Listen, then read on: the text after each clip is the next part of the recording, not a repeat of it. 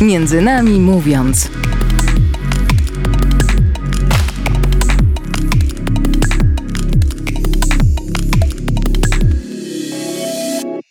Dzień dobry, tutaj audycja Między nami mówiąc. Ja się nazywam Stanisław Bresz, a dzisiejsza audycja będzie jedną z audycji podróżniczych. Wyruszymy do odległej Azji Środkowej e, razem z moimi gośćmi, czyli z braćmi, z, z Marcinem i Wojtkiem Szafrańskimi. Cześć wam, dzień dobry. Cześć. Cześć, dzień dobry.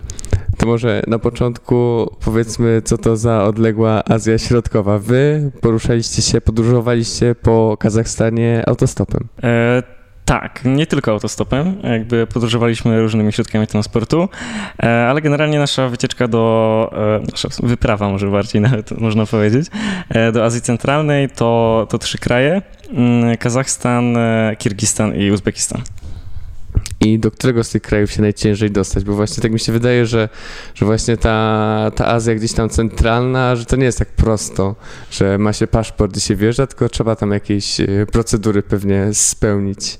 Mm, nie no, szczerze mówiąc właśnie e, Polacy na spokojnie mogą wjechać po prostu z paszportem i, i na granicach nie ma, e, nie ma żadnego problemu. E, może gorzej jest trochę z drogami, żeby wjechać do Kirgistanu, bo praktycznie ich nie ma. E, tylko mamy taką szutrową drogę i, e, i naprawdę złapać kogoś tam na stopa i przedostać się gdzieś dalej, to jest, to jest wyczyn. A co was skłoniło? Jaki, dlaczego akurat y, ten rejon świata wybraliście na waszą podróż? Mm, no myślę, że tutaj odpowiedź mamy spójną i, i to była odpowiedź taka, że po prostu e, patrzyliśmy na mapę i zastanawialiśmy się, e, gdzie jeszcze nie byliśmy. I spojrzeliśmy właśnie na początku stricte na Kazachstan najpierw. E, I doszło do nas, że nie znamy nikogo, kto w tym Kazachstanie był. Mm, więc stwierdziliśmy, że czemu nie? I to nie była taka wasza pierwsza wyprawa stopowa, bo wydaje mi się, że gdybyście dopiero stawiali pierwsze kroki w takiej formie podróżowania, to byście się nie wybierali akurat do, do Kazachstanu, do kraju, w którym, nigdy nie był ze znajomych. E, tak, znaczy myślę, że raczej Azja Centralna e, nie jest dla początkujących, ale też nie jest dla jakichś bardzo zaawansowanych. E, jakby my obaj e, gdzieś tam mm, w sumie osobno, w sumie mm, trochę razem gdzieś tam podróżowaliśmy już bardziej tak, e, tak niskobudżetowo i czy autostopem.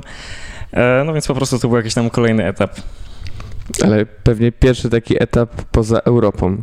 No tak, nasze, mm, nasze główne jakby wycieczki autostopowe no to było takie albo jeżdżenie po Polsce, albo na przykład zwiedzanie portugalskiej Madery. E, tak żeby szybciej się przemieszczać. Ale no jakby doceniamy to, kontakt z ludźmi, poznawanie ich, ich krajów, ich kultur, to jest właśnie to, czego też poszukujemy w naszych e, podróżach. Tak, to jest jakby, w sumie jakby to jest ważne, myślę, z tej perspektywy, że właśnie jakby jeśli podróżuje się tak niskobudżetowo, mm, to e, no wiadomo, wyda się mniej pieniędzy, ale z drugiej strony też bardziej pozna się kraj, bo jeśli jakby pozwolimy troszkę jakby dać tym ludziom sobie pomóc, to jesteśmy w stanie jakby poznać stricte tych ludzi e, i stricte poznać jakby cały kraj, a nie obserwować po prostu Kazachstan z, z okna hotelu w Astanie. O ten kontakt z drugim człowiekiem chciałbym e, was popytać później, ale teraz może tak byśmy nakreślili w ogóle jakim krajem jest Kazachstan, bo tutaj się skupimy chyba na tym największym kraju właśnie, który odwiedziliście. tak powiedziałem, że to była wasza pewnie pierwsza wyprawa taka stopowa poza Europę, ale w sumie jakoś przygotowując się do audycji, poczytałem trochę o Kazachstanie i się zorientowałem, że Kazachstan leży na dwóch kontynentach, że jest taki fragment Kazachstanu, tam mhm. jest, o ile pamiętam, to jakieś 12% powierzchni, która tak. leży jeszcze w Europie. Mm, no i właśnie, i to jest y, no, jeden z dziesięciu największych y, krajów na świecie. Największy kraj, który nie ma dostępu do morza. No jest, można było tu, tu dużo, tu dużo wymieniać. Y, jakbyście mogli powiedzieć, jakie było wasze pierwsze wrażenie, jak tam wylądowaliście, jak, jak dotarliście do Kazachstanu? Mm, pierwsze wrażenie? Ja szczerze mówiąc, y, moim pierwszym wrażeniem było rozczarowanie po pierwszym dniu, bo my tam jechaliśmy jakby po właśnie po takie, mm, po takie, po przygodę jechaliśmy, tak?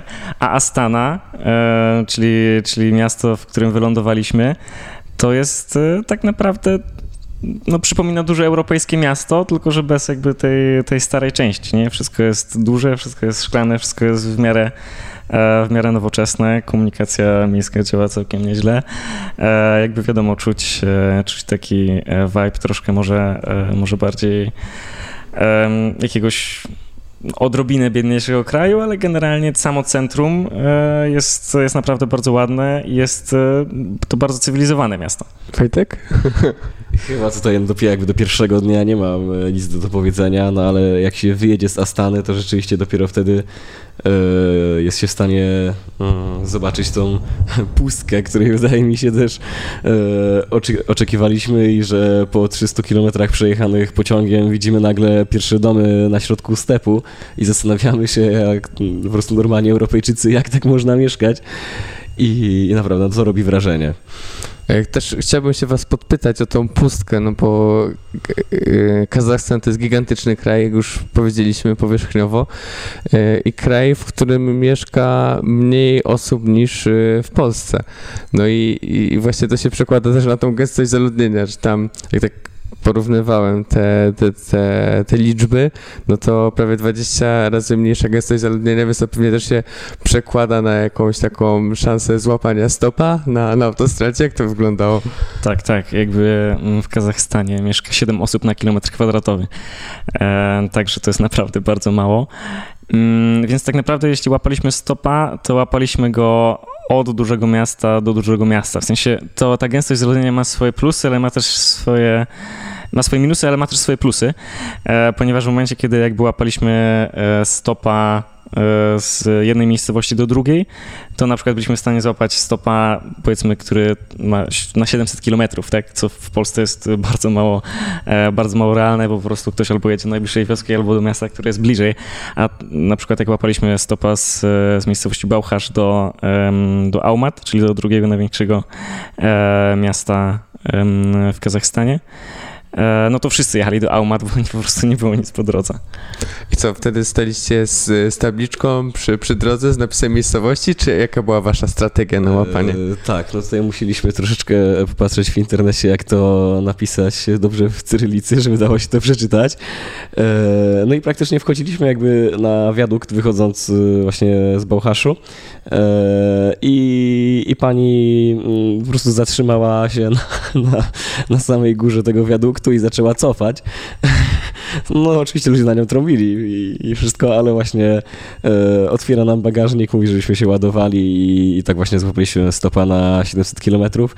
Ona jechała z Astany, czyli e, ta Omat miała jakieś 1500.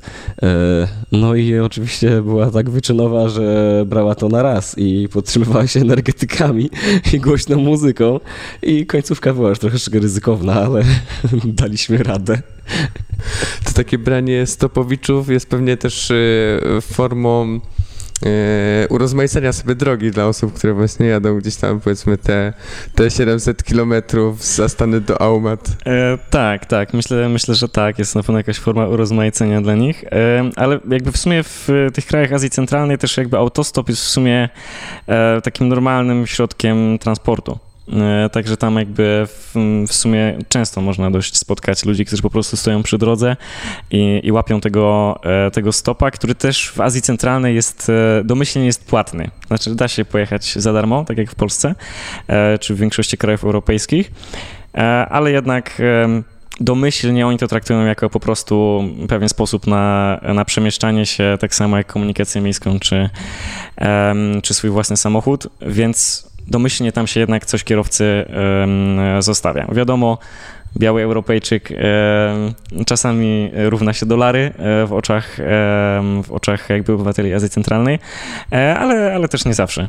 No tak, warto wspomnieć, e, że mm, właśnie przeważnie Kazachowie jakby biorą pieniądze za ten przejazd, bo jak byliśmy w Kirgistanie, to ludzie byli trochę trochę bardziej pomocni w, w tej sprawie. E, no właśnie jak już byliśmy e, w Kirgistanie e, na granicy, no to pani z Kazachstanu zaproponowała na podwózkę 80 km za 300 dolarów. No więc wiadomo, że my tylko tak spojrzeliśmy i powiedzieliśmy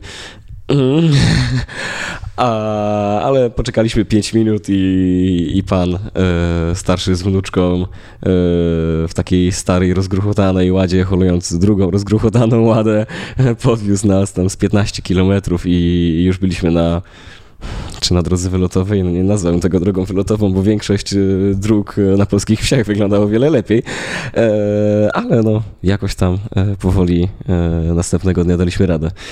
A to może teraz e, pytanie, które powinienem zadać na początku, ale jakoś tak się rozpłynęliśmy w tym Kazachstanie. E, e, chciałbym się was spytać, chciałbym się dowiedzieć, jak e, wyglądała chronologicznie wasza podróż? Gdzie wy przylecieliście z Polski, do którego miejsca i gdzie potem się udawaliście? E, dobra, to żeby, żeby nakreślić stricte chronologię e, i żeby można było sobie e, spojrzeć na mapie, w jaki sposób e, nasza podróż wyglądała. wy polecieliśmy z Polski, polecieliśmy najpierw do Gruzji, e, do Kutaisi. Tam spędziliśmy w sumie pół dnia i, i wieczorem wylatywaliśmy dalej do Kazachstanu. Mm, także z Kutaisi polecieliśmy e, już do Astany i potem w Astanie wsiedliśmy w pociąg, pojechaliśmy do miejscowości Bauchasz, która też jest bardzo ciekawą miejscowością, musimy jeszcze o niej koniecznie porozmawiać. Potem z miejscowości Bauchasz złapaliśmy stopa mm, do, do miejscowości Aumaty i potem z Aumaty jechaliśmy w stronę, e, w stronę jakby wschodu, czyli e, nad Kanion Szeryński i potem na granicę zachodnią Chin. I stamtąd ruszyliśmy na, na południowy zachód, e, na mm, granicę z Kirgistanem. Potem przejechaliśmy cały Kirgistan w zasadzie e, i dotarliśmy do, e, do Uzbekistanu. I mieliście jakieś takie ramy tego, jak ta wasza podróż będzie wyglądać, czy po prostu spontanicznie wstawaliście rano i mówiliście sobie, o tutaj pojedziemy w tą stronę? E, nie, jakby mieliśmy nakreślone, e, mieliśmy nakreślone stricte, mm, rozpisane dni mieliśmy, że tego dnia dobrze by było, żebyśmy dotarli do tego punktu. Rozpisane na dwa dni przed wyjazdem. tak, e, tak, ale w zasadzie tylko tyle. Mieliśmy takie, takie jakby checkpointy zrobione, że musimy dojechać tego dnia do tego miejsca, ale nie mieliśmy dokładnego planu. Po prostu ograniczał nasz plan samolot z Taszkentu do Abu Dhabi. E, bo wracaliśmy do Polski, do Polski jeszcze przez Emiraty. I udało wam się tak e, bez, e, bez jakichś nerwów dojechać do tego ostatniego miejsca, czy musieliście tak po prostu już tam gdzieś nerwowo patrzeć, gdzie was ten stop zabierze, czy, czy po prostu jeszcze potem mieliście jakiś taki margines, że tutaj gdzieś jeszcze wiedziemy, bo mamy czas? Mm, tej, tej ostatniej wersji na pewno nie. Mieliśmy jeden dzień zapasu i w zasadzie e, patrząc na naszą pierwotną rozpiskę, to ten pierwszy dzień zapasu straciliśmy już pierwszego dnia. bo, e, bo mm, po prostu nie było biletów na pociąg, którym chcieliśmy jechać e, z Astany do, mm, do miejscowości Bauchasz.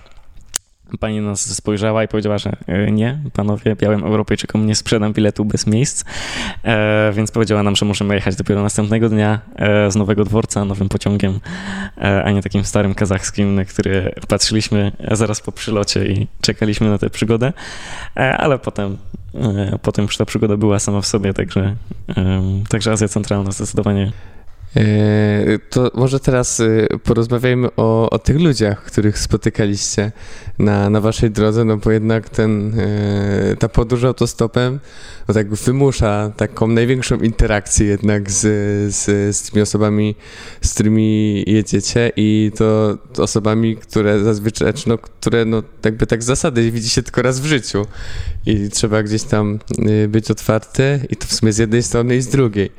No i jak to wyglądało podczas waszej podróży? Tutaj już trochę nakreśliliście, że w tym Kazachstanie nie było tak miło jak w pozostałych krajach, ale jak to no, wyglądało? Biorąc pod uwagę naszą znajomość rosyjskiego, a raczej jej brak, no to nasz kontakt z ludźmi ograniczał się do takich e, podstawowych E, wymian e, zdań o, o, imię, o ile ma się lat, kto coś robi, najczęściej właśnie na Google Translate, albo już jak się czegoś e, nauczyliśmy paru słów po rosyjsku. Nie wiem, co tu mogę tak dopowiedzieć, Marcin, może... Dobrze, to tak, ja powiem zdecydowanie więcej.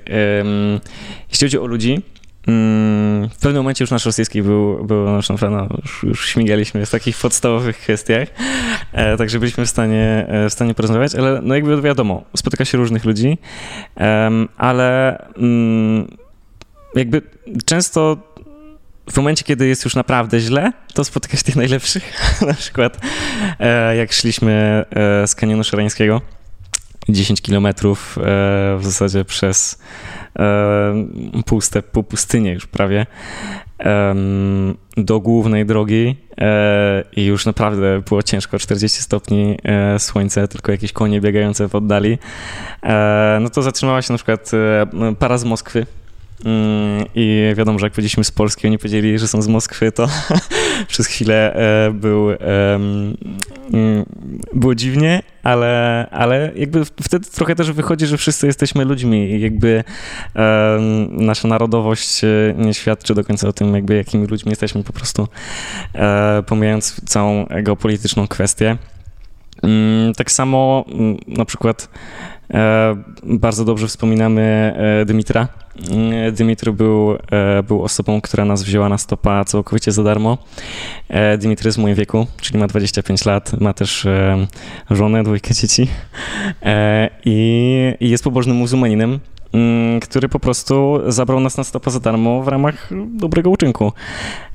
I na przykład w momencie, kiedy, mm, kiedy jechaliśmy, był zachód słońca i on autentycznie zatrzymał po prostu e, samochód. Powiedział, że żebyśmy poczekali dwie minutki, sprawdził na kompasie w telefonie, gdzie jest Mekka, wyszedł, rozłożył kocyk e, i po dwóch minutach wrócił i, e, i pojechaliśmy dalej. I zawiózł nas w zasadzie idealnie w miejsce, w które, w które chcieliśmy i, i które pozwalało nam jeszcze mieć szansę kontynuować podróż tego dnia. Mm, także faktycznie, no, jeśli, jeśli damy szansę e, po prostu losowi, to, mm, to na naszej drodze pojawią się osoby, które, które nam pomogą e, i które po prostu wykażą jakąś, jakąś dobroć. E, warto jeszcze wspomnieć o, o panu, który mm, zgarnął nas z Żarkientu w stronę Horgos e, i tutaj właśnie nasz, nasz rosyjski zawiódł, e, ponieważ mm, jak powiedzieliśmy, że chcemy jechać do Horgos, czyli do miejscowości na granicy z Chinami, no z przeświadczeniem, że wejdziemy sobie tam, popatrzymy na granicę, będzie fajnie, powiemy, że, e, że widzieliśmy Chiny. No tylko problem był taki, że pan przez cały czas powtarzał jedno słowo. Kitaj, Kitaj, Kitaj, Kitaj. A my no dobra, Kitaj, Kitaj, Kitaj. No ale oczywiście mm, nie wiedzieliśmy, że Kitaj znaczy, znaczy Chiny i pan wywiózł nas na granicę celną z Chinami i musieliśmy wszystko odkręcać, a potem jak, chcieliśmy, jak powiedzieliśmy, że, że my chcemy e, do Horgos wjechać, okazało się, że, e, że jest to zamknięta miejscowość i wszystko jest Mm, w drucie kolczastym stoją żołnierze, oni się tylko też tak na nas spojrzeli, zobaczyli białych na granicy z zachodnimi Chinami i nie wiedzieli o co chodzi. E, ale mieliśmy takie szczęście, że akurat e, ten pan praktycznie poświęcił nam e, całą godzinę i też tak samo jak Dimitry nic, nic od nas nie wziął. To była chyba dopiero druga osoba w Kazachstanie, która, która podwiozła nas w 100% za darmo.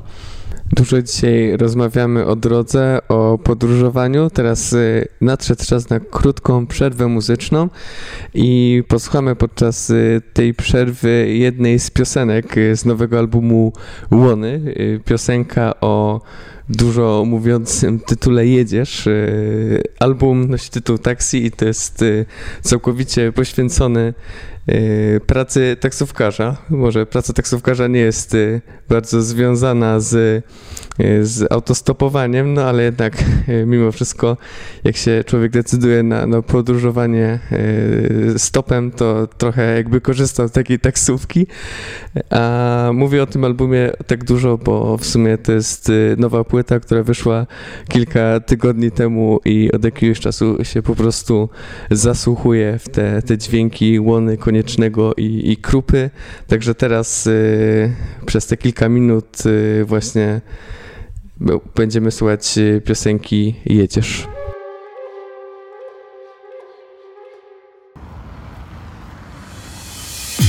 Między nami mówiąc.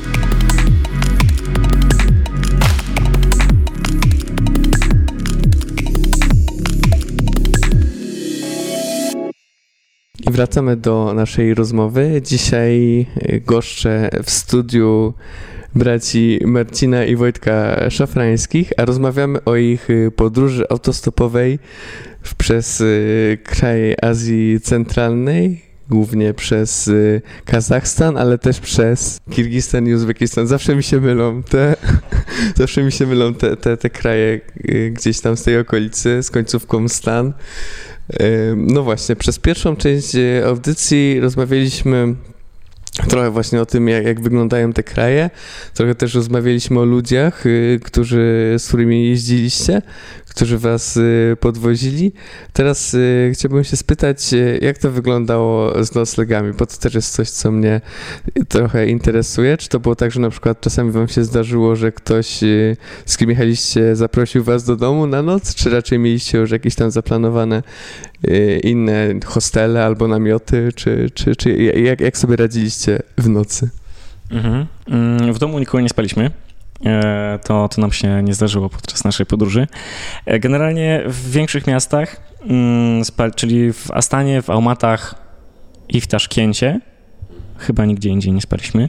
E, spaliśmy w, po prostu w hostelach, które gdzieś tam znaleźliśmy sobie na, na bookingu, mm, a cała reszta naszej podróży to był namiot i to było spanie w różnych miejscach, to było spanie E, zaraz nad kanionem szereńskim, który jest e, trochę takim Colorado wschodu. E, to było spanie nad jeziorem Issyk-Kul w Kirgistanie. To jest takie morskie oko, tylko że w górach Tien Shan i no i tak 200 razy większe. tak, I, i 200 razy większe, bo jest, jest też na liście największych jezior świata.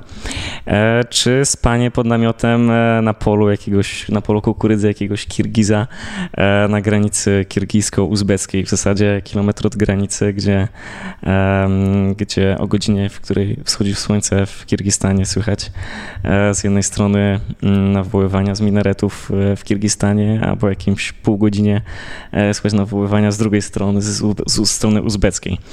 Mm, także generalnie, e, generalnie namiot. W dużych miastach, w których e, tego namiotu z wiadomych powodów nie można było e, gdzieś tam rozłożyć, no to to hostele, ale była to też, myślę, miła odmiana, kiedy można było... Wykąpać się w ciepłej wodzie pewnie. Dokładnie tak. To też jest w sumie ciekawe, jak y, można właśnie dzięki tym nowym technologiom, czy, czy też powiedzmy jakimś takim nowym możliwościom, które nam daje internet, y, na takiej samej zasadzie szukać noclegu w, w, Warszawie i gdzieś w jakimś mieście w Kazachstanie, że to jakby nie jest już teraz problem w, w tych czasach. E, Chyba, tak. że jest. E, znaczy, Booking jest mniej popularny e, w, w tamtych krajach, ale działa. E, także, także można na spokojnie e, korzystać z Bookingu i E, i znaleźć sobie nocleg bez, bez problemu. Jestem w sumie ciekawy takich waszych wrażeń też, jeśli chodzi o, o tą przyrodę, no bo w sumie tak już y, Marcin powiedziałeś wcześniej, że w Kazachstanie y, ta, ta, ta, ta średnia gęstość zaludnienia to jest 7 osób na kilometr, no więc jednak y, to jest jakiś wskaźnik, który pokazuje, że ta przyroda tam odgrywa duże, duże znaczenie. Jak to, jak to wyglądało? To jest y, kraj, który jest y, pustynny, górzysty. Jak to zajmuje taką powierzchnię, no to pewnie wszystkiego trochę, jakby wszystkiego jest y, po trochu. No jak byłem Adgeo, tutaj się wypowiem. E, no powiem, że no przeważnie e, w Kazachstanie no jednak e, stepy, e, te niekończące się połacie trawy i czasami krzewów. No jest to troszeczkę teren mm, pofalowany, ale właśnie jadąc z Bałchaszu do Aumat widzieliśmy jak ten kraj się zmienia. Mm, że raz jedziemy właśnie przez taki pofalowany e, step niczym z Windowsa, a mm, za dwie godziny na przykład jedziemy e, przez bezkres pustyni, której nie widać końca, jedziemy, jedziemy, jedziemy.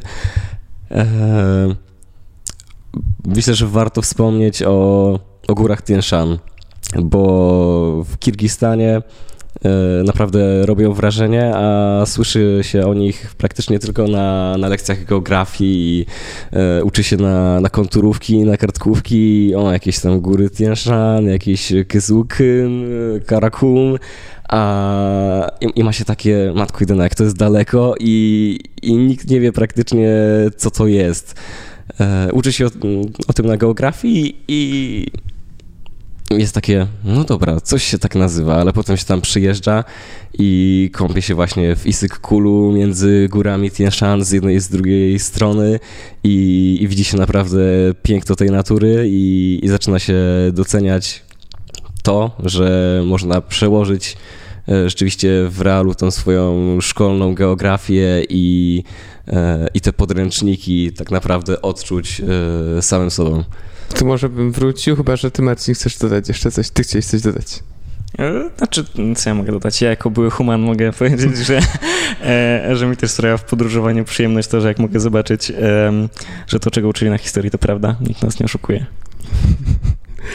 Tu w sumie, żeby taki całokształt tej, tej historii gdzieś tam złapać, bo nie spytałem się was, y, ile, ile tak orientacyjnie kilometrów przejechaliście, pokonaliście, ile tysięcy kilometrów y, podczas tej waszej trasy zrobiliście?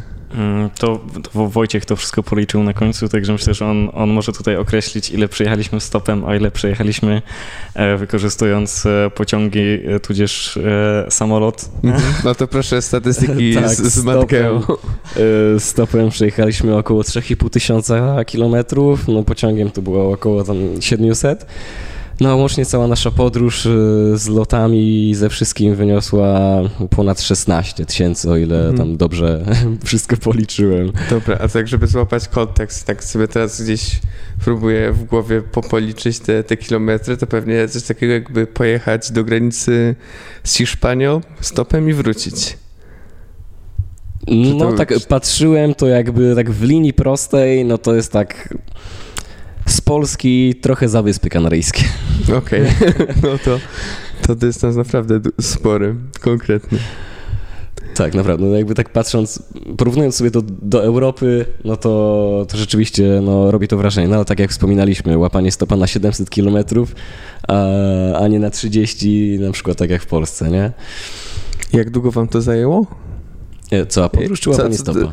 Cała, a to łapanie stopa to też w sumie warto się spytać, ale cała podróż, ile, ile wam zajęła? Bo cała o tym też nie, nie rozmawialiśmy od, wcześniej. Od wyjazdu z Poznania do powrotu do Poznania 16 dni. 16 dni. Dobra, to teraz ile wam zajmowało łapanie stopa średnio? No to bywało różnie. Bo bywało tak, że praktycznie idziemy sobie kawałek spacerkiem drogą i, i trzymamy kartkę i ktoś się zatrzymuje, albo czekamy maksymalnie dwie minuty i jedziemy dalej i robimy mm, kilkaset kilometrów e, dziennie. No a zdarzało się tak, że mm, budząc się na granicy kazachsko-kirgijskiej, ten kawałek za, e, w górach, gdzie teoretycznie miała być autostrada, wyglądało to jak parę kamieni i trochę piachu. E, no siedzimy siedzimy załamani, że przed nami 80 km jeszcze dzisiaj, a, a jest tam dziewiąta, my wstaliśmy dwie godziny temu i nic nie jedzie, zjechały dwie łady, ale w drugą stronę. Eee, no i tak, to już, to już człowiek zastanawia się troszeczkę, czy, czy się stamtąd wydostanie. Ja byłem naprawdę wtedy zestresowany, Marcin trochę mniej. E, ale koniec końców udało nam się, e, jakby ruszyliśmy, przeszliśmy około kilometra i, i zatrzymał się tam e, właśnie jeden, jeden Kirgiz i, i, Marcin jechał z nim w środku samochodem, a ja jeszcze z naszym, z naszym kolegą wsiedliśmy, wsiedliśmy na pakę i jechaliśmy tam z drewnem, a potem jeszcze z owcą, którą sobie pan wrzucił na, i, i naprawdę robi to wrażenie. I tu mi się e, sporo pytań gdzieś tam w głowie otwiera i, i tak może takie pierwsze, jakie samochody tam jeżdżą po, po tym Kazachstanie i po tych okolicach? Czy to są jakieś takie europejskie modele, czy, czy bardziej rosyjskie, y, czy Związek Radziecki tam króluje? No raczej króluje zdecydowanie Związek Radziecki, a jak widzimy jakieś nowsze samochody, to bardzo często spotykaliśmy się z tym, że mają kierownicę po prawej stronie, co wnios- po czym można wnioskować, że po prostu zostały sprowadzone z UK. I no tak, raczej zauważyć samo, samochód świeżo z salonu jest ciężko, ale nie jest to niemożliwe.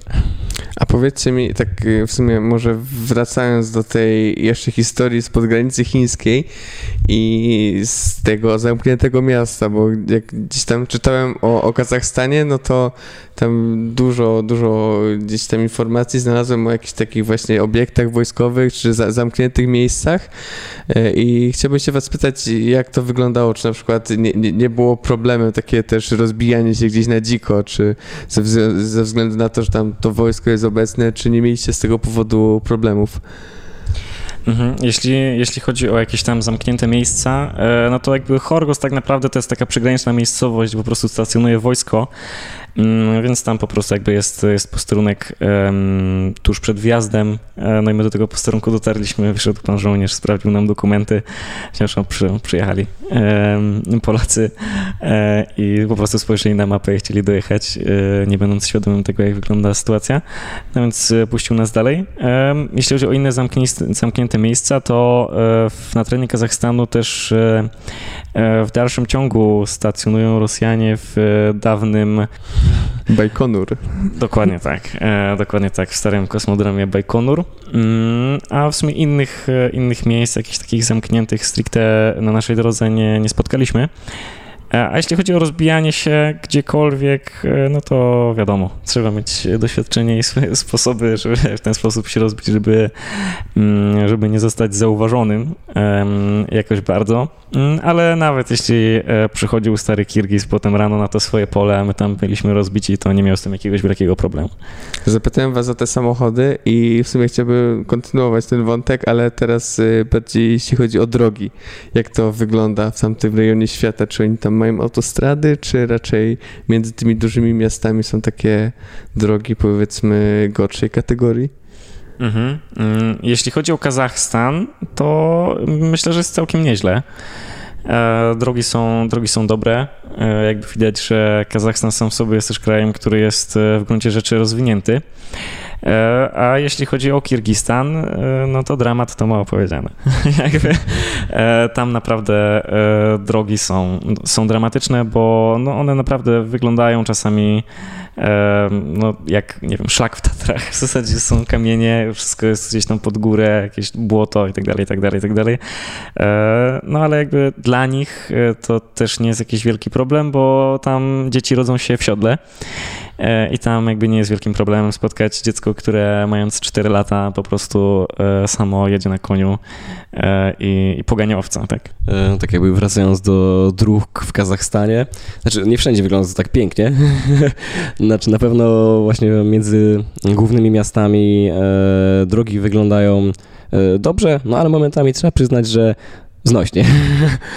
Bo na przykład, no wiadomo, że w Kazachstanie e, latem mamy plus 40, a zimą mamy minus 40 i ten asfalt e, po prostu nie wytrzymuje, tak? I jakby jadąc z Bałchaszu do Aumat mieliśmy jakiś fragment 100 km, no, gdzie ten asfalt był pomieszany z kamieniami, a potem z powrotem mieliśmy e, praktycznie świeżo wylany.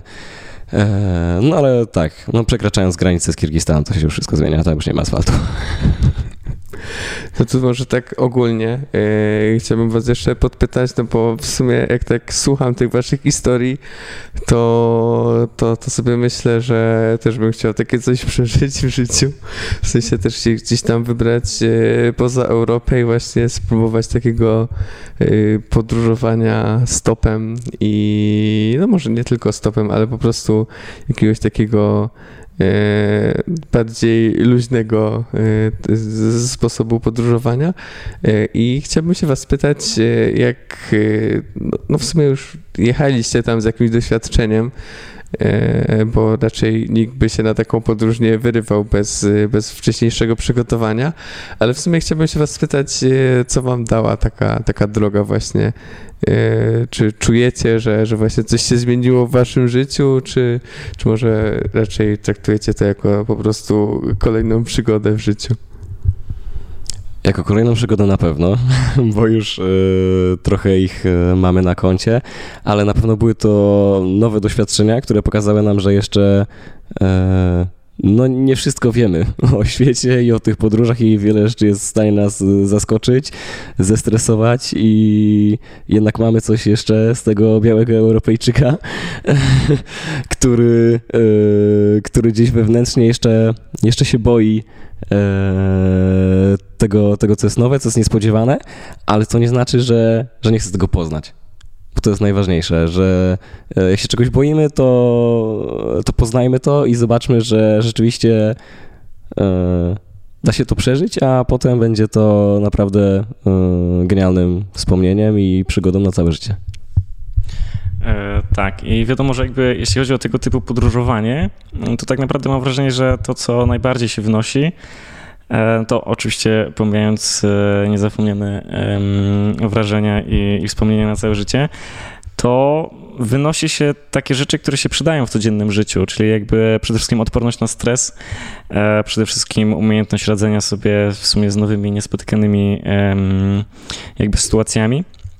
Mm, I w ten sposób jakby też jesteśmy w stanie na pewno też poćwiczyć jakieś takie po prostu kompetencje miękkie może nawet, w sensie jakby mm, poznawanie, rozmawianie z bardzo różnorodnymi ludźmi e, i w ten sposób jesteśmy w stanie zauważyć, że ten świat właśnie nie jest taki jednorodny, nie jest taki, taki prosty i zero-jedynkowy, tylko że faktycznie e, są jakieś tam e, odcienie szarości i są różni ludzie, różnie myślą i w ten sposób możemy patrzeć na świat trochę, trochę szerzej.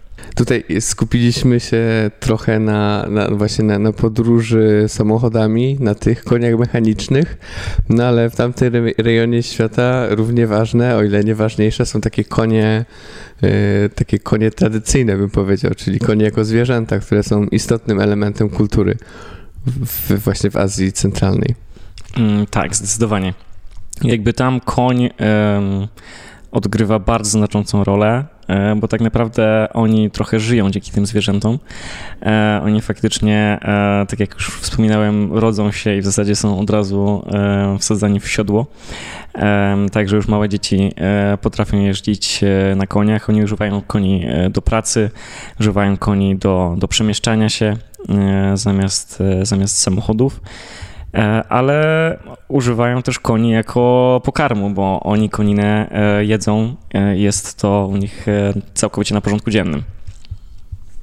No i nie można zapomnieć też o tym, że, że jeśli chcemy zobaczyć stada dzikich koni, no to Azja Centralna jest, jest ku temu najlepszym miejscem. Mm, zdecydowanie Kazachstan, ale chyba Kirgistan chyba jeszcze bardziej jesteśmy w stanie zobaczyć naprawdę e, całe stada, które gdzieś tam e, biegną przez ten step, czy, czy na tych e, zielonych pastwiskach górskich w Kirgistanie sobie po prostu siedzą. Tak jak tutaj już wcześniej mówiliśmy, Kazachstan nie ma dostępu do morza, za to jest z nazwy dostęp do, do Morza Kaspijskiego i no, no i tak by gdzieś tam szukać miejsc na, na wakacje, to pewnie gdzieś tam te okolice, ale to nie jest jedyna woda na, na, w Kazachstanie, tam tak, są też inne jeziora. Tak, tak, zdecydowanie, to nie jest e, jedyna woda. E, główny, może nie wiem czy główny kurort, ale e, rzeczywiście jest w Aktaju nad Morzem Kaspijskim, ale my odwiedzając Bałchasz przyjeżdżaliśmy tam też z wiedzą, że że Kazachowie przyjeżdżają tam właśnie wypocząć e, w wakacje. E, no, nas raczej nie zachwycił kazachski kurort, no ponieważ widzieliśmy tam no, praktycznie niezrobione kompletnie drogi, komunistyczne bloki, bardzo, mm, bardzo zindustrializowane miasto, fabryki, wszędzie kominy, spaliny i kawałek dość długiej plaży, nie? I no my tam przyjechaliśmy z taką mm, z taką myślą, że o, dojedziemy nad Bałchasz, wypoczniemy sobie trochę po tej długiej podróży. No ale nie, przyjechaliśmy 10 kilometrów, musieliśmy tam dojść. E, no i w dodatku wykąpaliśmy się 10 minut w Bałchaszu i trzeba było iść dalej i wracać przez zakurzony e, i niezbyt dobrze pachnący Bałchasz niestety. No myślę, że, że jednak warto zobaczyć coś innego od takich pięknych europejskich e, miejsc. Tak, jest to, jest doświadczenie naprawdę e, niezapomniane, jak się idzie na plażę i Google Maps nas prowadzi e, przez miejsca, w których, które byśmy zobaczyli w Polsce, bo w innym kraju Europy, to byśmy tam po prostu nie weszli, bo byśmy się spodziewali, że ktoś tam albo nas będzie próbował uprowadzić, albo sprzedać nam narkotyki, a nie, to po prostu droga na plażę w Bałchaszu. Ale są też polskie akcenty w Bałchaszu, e, na przykład na lokalnym takim dworcu PKS powiedzmy. E, można faktycznie znaleźć PKS-a, jest to PKS Gryfice. Mm, i autentycznie był autobus, nawet w malowaniu, e, w malowaniu polskiego mm, PKS Gryfice który po prostu najprawdopodobniej najpierw wyruszył swoją podróż z Polski na Ukrainę, potem z Ukrainy do Rosji, a na końcu z Rosji trafił, e, trafił do Kazachstanu. Ciekawe, czy pokonał tą trasę własnymi siłami, czy był gdzieś holowany na przyczepie, bo to... Myślę, że pokonał własnymi siłami. Kilka, kilka tysięcy kilometrów dodatkowo do przebiegu. Tak, zdecydowanie tak. Także jeśli ktoś chciałby się przejechać PKS-em Gryfice, to polecamy zrobić to e, w Kazachstanie. A propos tego przebiegu, to w Kazachstanie bym się tym przebiegiem nie martwił, bo e, nie jest trudne spojrzeć na licznik w samochodach w Kazachstanie i widzieć i zobaczyć, że tam już się skala skończyła. To jest problem właśnie, albo że na przykład w takim gazie w Kirgistanie e, pan odpala samochód, ale żadne kontrolki się nie pokazują i jedzie na ślepo, w sumie nie wiedząc ile jedzie na godzinę. Więc spokojnie, nie martwmy się takimi banałami europejskimi. Tak, w sumie na koniec naszej rozmowy chciałbym się was jeszcze spytać o, o taki największy przypał, jaki się wam wydarzył na, na, na, podczas podróży, chyba, że już opowiedzieliście, może ta, ta właśnie ta, ta podróż y, gdzieś tam przy granicy z Chinami, to, to może był, to był, była jakaś taka naj, najbardziej przypałowa historia, chyba, że macie coś innego jeszcze. Dobra, jeśli mamy powiedzieć na największy przypał, e, to jeden przypał to na pewno, na pewno Kitaj i nasze niezrozumienie znaczenia tego, e, tego wyrazu. Mm, drugi przypał, chociaż może, może bardziej e, przygoda, to była właśnie przejście granicy kazachsko-kirgijskiej, czyli, mm, czyli to, że przeszliśmy, przeszliśmy tę granicę w zasadzie krótko przed jej zamknięciem. I czekaliśmy i pojechały tylko dwa samochody. Jednym samochodem była taka, mm, myślę, około 60 e, pani, która powiedziała, że no ona tutaj nie da rady nas zawieźć tutaj, bo ta droga jest taka słaba. Ona nas weźmie dopiero potem od tej, od tej głównej drogi i poprosiła e, inną parę, która miała taki większy samochód, mm, terenowy bardziej. E, no ale okazało się, że nie będziemy jechać w środku, tylko będziemy jechać na zderzaku i już wrzuciliśmy wszystkie nasze, e, wszystkie nasze bagaże na, na dach i po prostu trzymając się e, mm, relingów i trzymając nasze wszystkie, cały nasz dobytek, jechaliśmy po prostu na zderzaku pierwsze 6 kilometrów. E, no i tak, i potem tamta, tamta pani, która nam to załatwiła, powiedziała 300 dolarów, my powiedzieliśmy, oho, 300 dolarów to jest budżet tej wycieczki, proszę pani. Także, także to, no i potem ta cała noc e, pierwsza w Kirgistanie, e, gdzie faktycznie no, widzieliśmy, że, że może być ciężko, mm, ze względu na to, że że faktycznie Kirgistan jest trochę inny i trochę, trochę ciężej się tam było wydostać spod tej granicy. E, a jeśli chodzi jeszcze o jakiś przypał? No, wracając do granicy kazachsko-kirgijskiej, no to e, no na granicy w Unii Europejskiej napotkać e, celnika, że tak powiem, pod wpływem wbijającego pieczątkę do paszportu, no raczej nam się nie zdarzy. No ale ni niestety Kirgistan przywitał nas y, chłopakami, którzy troszeczkę zabalowali e, i, tak e, w takim klimacie weszliśmy do Kirgistanu. E, a a propos jeszcze jakiegoś przypału, powiedziałbym chyba o e, przypale troszeczkę takim no, jelitowym e, w Taszkencie, jak szukaliśmy czegoś na śniadanie i mm, I taki starszy pan e, koło głównego bazaru nam mówi, o, the best, the best. Ja mówię takie, no dobra, no jak the best, no to bierzemy. No wzięliśmy, tylko potem poszliśmy na ten targ i zobaczyliśmy, jak e, takie po prostu wątróbki cielęce leżą w taczkach i albo w samochodach mięso, muchy chodzą. Mieliśmy takie, oj, to może nie był dobry pomysł, e, ale no postanowiliśmy, że się przełamiemy, zjemy, ale wzięliśmy pierwszy gryz i po prostu poczuliśmy yy, w całym ciele po prostu przeszywający zapach tego targu yy, i no i powiem tak, no, yy, no wątroba była poturbowana. ale daliśmy radę, daliśmy radę. Znaczy Marcin teraz będzie yy, sprawdzał swoje wyniki badania krwi, więc no, zobaczymy, czy coś się tam wielce stało. Nie, no, dramatu nie ma. Raczej z WZW nie wróciliśmy, przynajmniej taką mam nadzieję. Ale Dobrze, z lekką czyli- salmonellą może już czyli, tak. czyli warto, warto być e, jakąś tam szczególną ostrożność zachować, jak się jedzie do takich Mm, krajów tak, i szczeg- unikać, unikać wątróbek z... Tak, z targu. zdecydowanie i koniecznie paczkę e, węgla medycznego ze sobą, bo to nam, to nam ratowało jelita i podróż. A oprócz tego węgla, to co jeszcze taką podróż warto zabrać? Stoperan. Dzięki. My na przykład kupiliśmy, nie, nie wieźliśmy ze sobą e, namiotu. Mm, Kupiliśmy w Astanie ruski namiot i ruskie karimaty. Mm, W takim ichniejszym intersporcie, powiedzmy. E, No i ten namiot potem wrócił z nami do Polski. Także mamy w domu e, ruski namiot. Udało nam się go przewieźć z powrotem, pomimo tego, że mieliśmy tylko bagaż podręczny. E, Także namiot, karimatka mm, i chęć przygody i jedziemy. Dziękuję Wam bardzo za rozmowę. Dzisiaj moimi gośćmi w audycji, między nami mówiąc, y, byli Marcin i Wojtek Szafrańscy. Dzięki za rozmowę. Dzięki.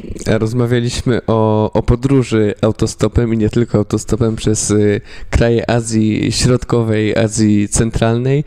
No i tutaj jeszcze chcielibyśmy powiedzieć, że Waszych relacji z tej podróży, jakichś tam zdjęć, y, moż, że można je znaleźć w internecie. Gdzie, Tak, gdzie, gdzie dokładnie? e, Tak, zdjęcia, filmy e, na naszych e, Instagramach, e, na razie w wyróżnionych relacjach, ale szykujemy już tutaj podsumowanie tego w postach i, i w rolkach na Instagramie. U mnie jest to e, Szafran2004, a u Marcina e, Mrudy98. To zapraszamy. Ja ze swojej strony zapraszam jeszcze na nasze media społecznościowe, audycji między nami mówiąc, też y, na YouTube'a i Spotify, gdzie można odsłuchać y, wcześniejszych audycji. A teraz zostajemy z muzyką, która towarzyszyła moim gościom podczas y, podróży. Z piosenkami wyszazamowanymi z, z samochodów, którymi poruszaliście się po Kazachstanie. Piosenki w stylu ruski rap. Także będzie to kilka minut y, ciekawej radiowej przygody, a my słyszymy się już y, w kolejnych audycjach. Przypominam, że premiery w każdą środę o godzinie 20.00. Między nami mówiąc.